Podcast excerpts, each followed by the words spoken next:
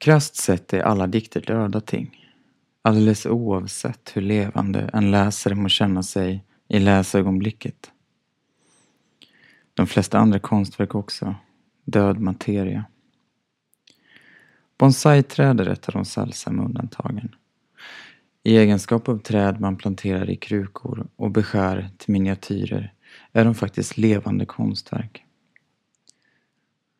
Även om också tavlor, skulpturer och litteratur förr eller senare förgås har trädkonstverken en relation till tidens gång som i högre grad liknar deras skapares. De går mot döden i realtid.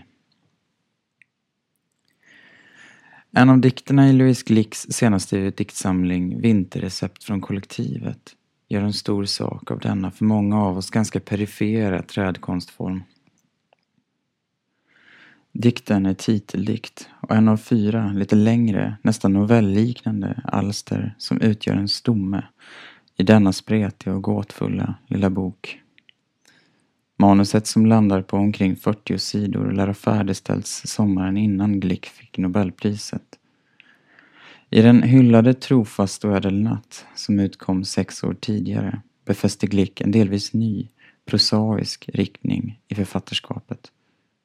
Men istället för att löpa hela prosalinan ut och skriva en roman återkom poeten förra året med denna kondenserade diktsamling där mycket står på spel i de få ord som ges. Bonsai-motivet måste antas ha mer än blott kuriös betydelse. Jag säger det för att det faktiskt är lätt att läsa förbi de aparta träden och istället vila i det bekanta. Det som är typiskt glick. För det finns en del sånt. De fabelliknande, lite sagoaktiga bildvärdena återkommer. Men också dikter som skulle kunna vara hämtade ur böcker som Ararat eller Averno med oläkta familjesår och självransakande introspektion. Ja, ibland finns till och med små referenser till tidigare dikter. Ta bara de tre rader ur Averno i vilka talaren konfronterar sin egen besatthet vid det förflutna. Citat. Skadan är ointressant. Ingen som kände mig då lever nu. Slutcitat.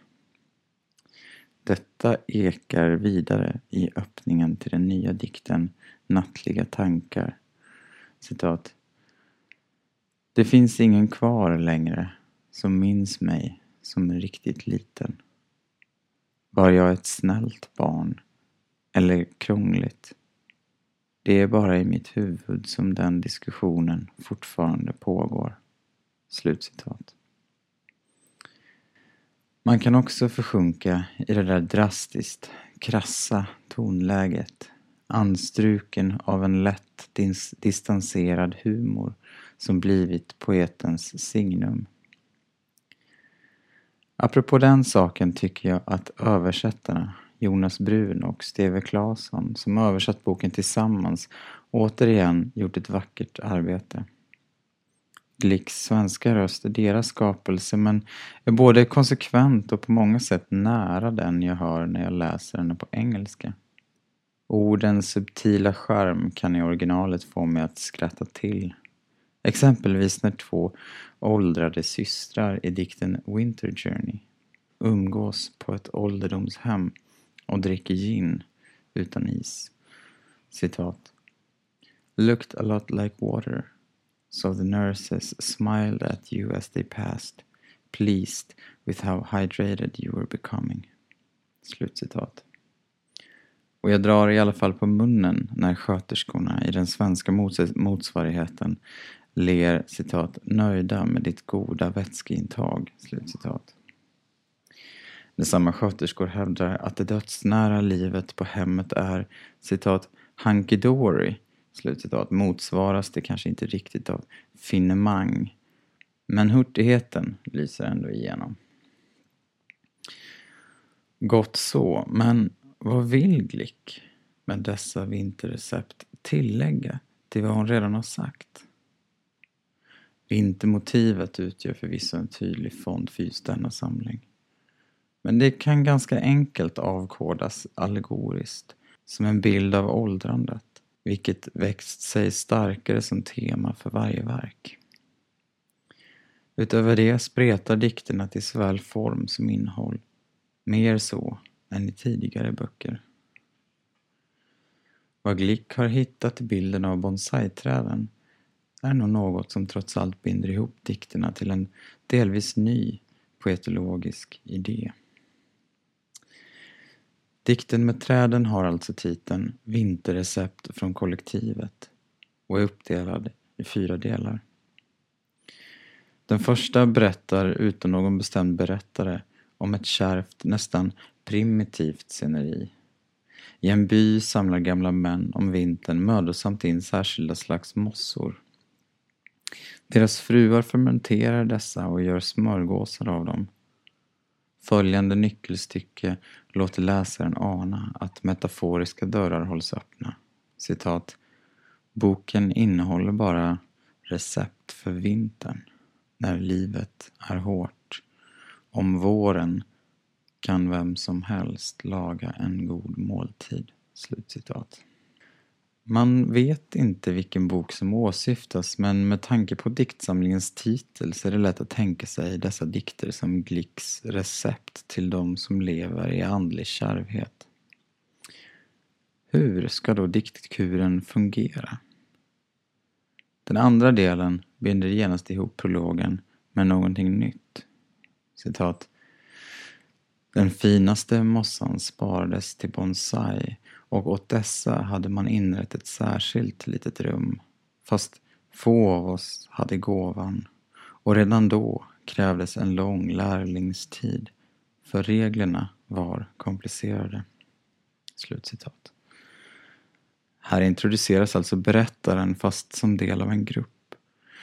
Någonstans ute i vinternatten arbetar en samling personer med ett miniatyrträd. För mig är detta kollektiv lite förvånande. Få poeter har lika tydligt som Glick tagit sig rollen som solitär som dras citat till den ensamma människorösten slutcitat för att citera hennes nobelföreläsning. Men Glick har också framhållit att hon är skrivlärare och hur betydelsefull den kollektiva diskussionen varit för hennes skapande. Bonsaiträden i dikten är konstverk som framställs tillsammans av lärjungar i lärarens närvaro och under åratal av repetitiv övning. I den tredje delen börjar frågorna om konst, liv och död hopa sig. Allt det där en glickdikt förväntas handla om tycks ha smugit sig in bakvägen. Citat och så sorgsna vi blev när något av dem dog. Och det dör verkligen trots att man lyft ut dem ur naturen. För till sist dör ju allt. Jag blev mest rörd av dem som tappade sina löv. De lade sig i drivor på mossan och stenarna. Träden var som sagt miniatyrer, men det finns ingen död i miniatyr. Slutcitat. Det låter allegoriskt, men att översätta det till en poetik känns inte solklart. Kan vi tillsammans skriva poesi likt hur man beskär träd? I jagets händer framstår miniatyrträdet som citat en fura som vajar i kraftig vind som människan i universum. Slutcitat. Men kan någon dikt bära magnituden av en människas liv? Drömmen om ett levande konstverk är emellertid gammal, konstaterade Sven Lindqvist i sin bok Myten om Wu Tao Tzu från 1967. Jag kommer att tänka på Lindqvist för att han, liksom Glick, vänder sig till kinesisk visdom och konsttradition för att säga något om konstverkets relation till livet. Förutom själva myten om Wu Tao Tzu, som sades måla så levande att han till slut klev in i sin målning och försvann, skriver Lindqvist exempelvis om hur en sträng kalligrafilärare år efter år övar sin lärjunge mot konstnärlig frihet. Han skriver om Hermann Hesses romankaraktärer som inspirerade av kinesiska trädgårdsmästare mot ålderns höst försvinner in i trädgårdsarbetet och uppgår i citat tingens egen liv. Slutcitat. Denna strävan återges i nästan identiska formuleringar i en annan av de centrala novellliknande dikterna i Glicks bok, Att förneka döden. Här är det ytterligare en lärarfigur, en underlig hotellportier som delar sina visdomar med jag-berättaren. Citat. Jag förstår, sa han, att du inte längre vill återgå till ditt tidigare liv. Att fortsätta menar jag rakt fram som tiden föreslår att vi skall, utan hellre, och nu gjorde han en gest mot sjön, röra dig i en cirkel i strävan mot den där stillheten i tingens inre. Fast jag föredrar att tänka mig att den också liknar en klocka. Slutcitat. Något som löst binder ihop dikterna Vinterrecept från kollektivet och Att förneka döden med det likaledes lite längre En oändlig berättelse och Solnedgången är en äldre persons visa råd till en yngre berättare. I den sistnämnda dikten rör det sig om en konstlärare som visar sig vara blind och alltså inte ser sina elevers målningar. Han försöker illustrera vad ett bra konstverk är med att visa sina elever en rutten träbit som tidigare varit en stor gren. Citat. Drivved, sa han, bekräftar min åsikt. Det är därför det framstår som dramatiskt i sig själv. För att understryka detta knackade han på träet. Väl våldsamt för en bit lossnade. Rörelse, ropade han. Det är det viktiga. Slutcitat. Det får berättaren att skämmas över sin statiska, livlösa konst. Citat. Jag har aldrig varit särskilt bra på levande ting. Ljus och mörker är jag bättre på. Slutcitat. När Glick skrivit om tid förr, som i Averno, har diktjaget beskrivit hur hon citat, levde i nuet, den del av framtiden som gick att se. Slutcitat. I Averno framställs tiden som kontrasterande bilder i ett statiskt nu, precis som konststudentens konst. Dikten med trästycket slutar med att den sårade eleven står ensam ute i natten. Läraren ställer sig bredvid, tänder en cigarett och tröstar. Han vidhåller att det där med drivveden bara är en uppvisning men citat jag tycker ändå det är ganska vackert, sa han. Som de där små deformerade kinesiska träden. Bonsai heter det. Slutcitat. Det framstår, tycks det mig, som att Glick söker en poetisk form som rymmer en livaktighet hennes tidigare poesi saknat. I hennes förra bok var det uppenbart att dikterna inte bara skulle stå stilla i den där motsatssymmetrin av ljus och mörker, utan att tidens gång behövde gestaltas. I dikten Berättelse om en dag, som just tog sig an att skildra en dags långsamma förlopp, konstaterade berättaren citat jag slets mellan en motsatsernas struktur och en berättelsestruktur. Slutcitat. I den dikten gick det att tolka en stegrande fixering vid tidens gång som kopplad till dödens annalkande. Glick ägnar sig trots allt åt recept för vintern. Inför den slutgiltiga vintern blir frågan om tidens flykt allt. Om trofast ödelnatt på många sätt lyckades skildra hur livet melankoliskt och oåterkalleligt glider fram mot intet så upplever jag att vinterrecept från kollektivet försöker gå längre. Dikterna tycks inte riktigt nöja sig med att berätta en historia. I den korta inledningsdikten Dikt uppstår exempelvis rörelsen på ett annat sätt, genom en osäkerhet i metaforernas logik. Dikten inleds med en idyllisk, nästan barnslig liknelse. Citat.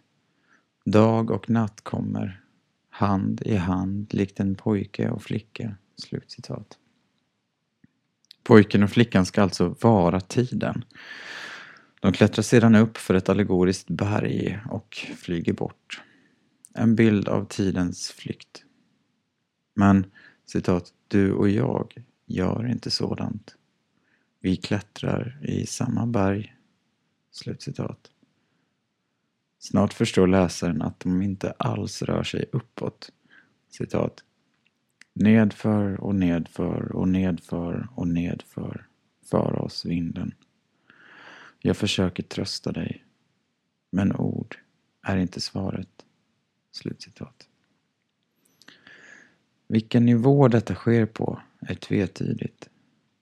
Kanske är vi fortfarande inuti det allegoriska landskapet där huvudpersonerna tappar fotfästet i sin lyckliga klättring och faller i motsatt riktning, ser livet passera i revy som man ibland säger. Men denna logiska konstruktion får allt svårare att hålla ihop i följande stycke. Citat. Du blundar. Vi passerar pojken och flickan vi såg i början. Nu står de på en träbro. Jag kan se deras hus bakom dem. Slutcitat. Flickan och pojken återvänder, fast nu som vanliga barn, befriade från sin tidigare allegoriska funktion. De framstår snarare som ett rörande minne, som vore de huvudpersonerna själva i början av livets panorama. Dikten utgör sig först för att ha åtskilda nivåer för liknelser och verklighet, likt en pojke och flicka, men suddar ut dem. Precis som det fallande viet i dikten fråntas läsaren fotfästet. Det får mig att läsa dikten på nytt, endast för att hamna i samma obestämda läge varje gång dikten slutar, där Glicks allegori tycks sakna lösning. Och jag får samma känsla i slutet på dikten Att förneka döden. Berättaren har blivit övergiven av sin partner, endast kallad du, på ett hotell och tycks på ett Kafkaartat vis bli bofast i hotellets lobby under hotellportiens överseende. I slutet av dikten, när flera år passerat, minns denne portier händelsernas början. Citat. Och mig kallade du något konstigt, minns jag.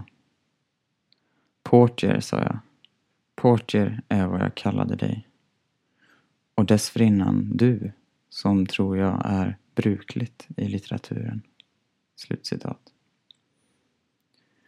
Hur kan portiern på hotellet och duet i diktens början vara samma person? Det går inte. Inför en paradox som denna påminns jag om att ordet error kommer ur det gamla indoeuropeiska ordet er, vilket betyder röra sig. Blir inte den logiska omöjligheten i diktens slut just ett slags igångsättare här? Dikten suddar ut sig själv och börjar om igen på nytt med nya premisser. Lite som livets rörelser pumpas runt i våra kroppar, kanske. Att skapa ett verk som är sig självt nog är också vad Sven Lindqvist kommer in på. Han skriver, apropå Hesse, om idyllen som fullständighetsupplevelsens diktart som Hesse genom sina intrikata metaforer blåser liv i. Lindqvist menar, inspirerad av det kinesiska, att dyllens andliga innehåll är förankrat i dess praktiska råd och konkreta ting citat, det är receptet som konstart, slutcitat. Eftersom Glick ger oss just recept, visdomar och påståenden om hur livet ter sig och eftersom hon genom sitt arbete med liknelse och metaforer i denna bok uppnår en rörlig och självtillräcklig dikt är det kanske idylldiktning i Lindqvists mening. Kanske är det intresset för buddhism och det kinesiska som lett dem in på samma stig. Men idyll låter lyckligt. I själva verket är detta en mycket skrämmande bok för att döden är så skrämmande. Den symmetri i motiv och övergripande tematik som Glick alltid varit så förtjust i tycks bruten. Dikterna tillåts likt små träd växa i oväntade riktningar, den tuktade formen till trots. När jag tror att jag vet i vilken värld, på vilken nivå den eller den dikten befinner sig så öppnar Glick falluckan som i avslutningen på dikten om de gamla systrarna med ginglasen. Citat. Det blåste. Nattetid kunde jag se granernas skuggor. Så starkt lyste månen.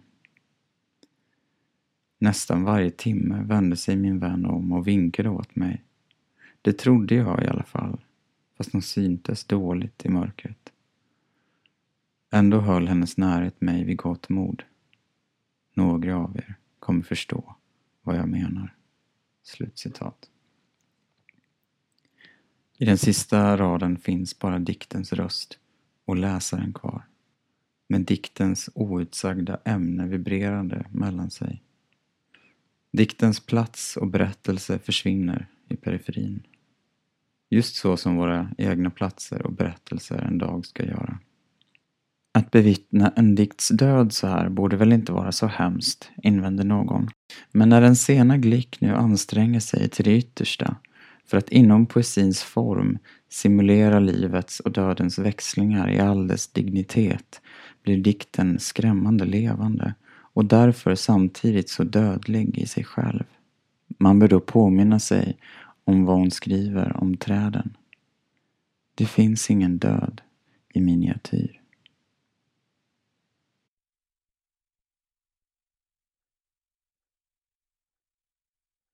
Den här recensionen är originalpublicerad på www.ornenochkrakan.se under ansvarigt utgivarskap.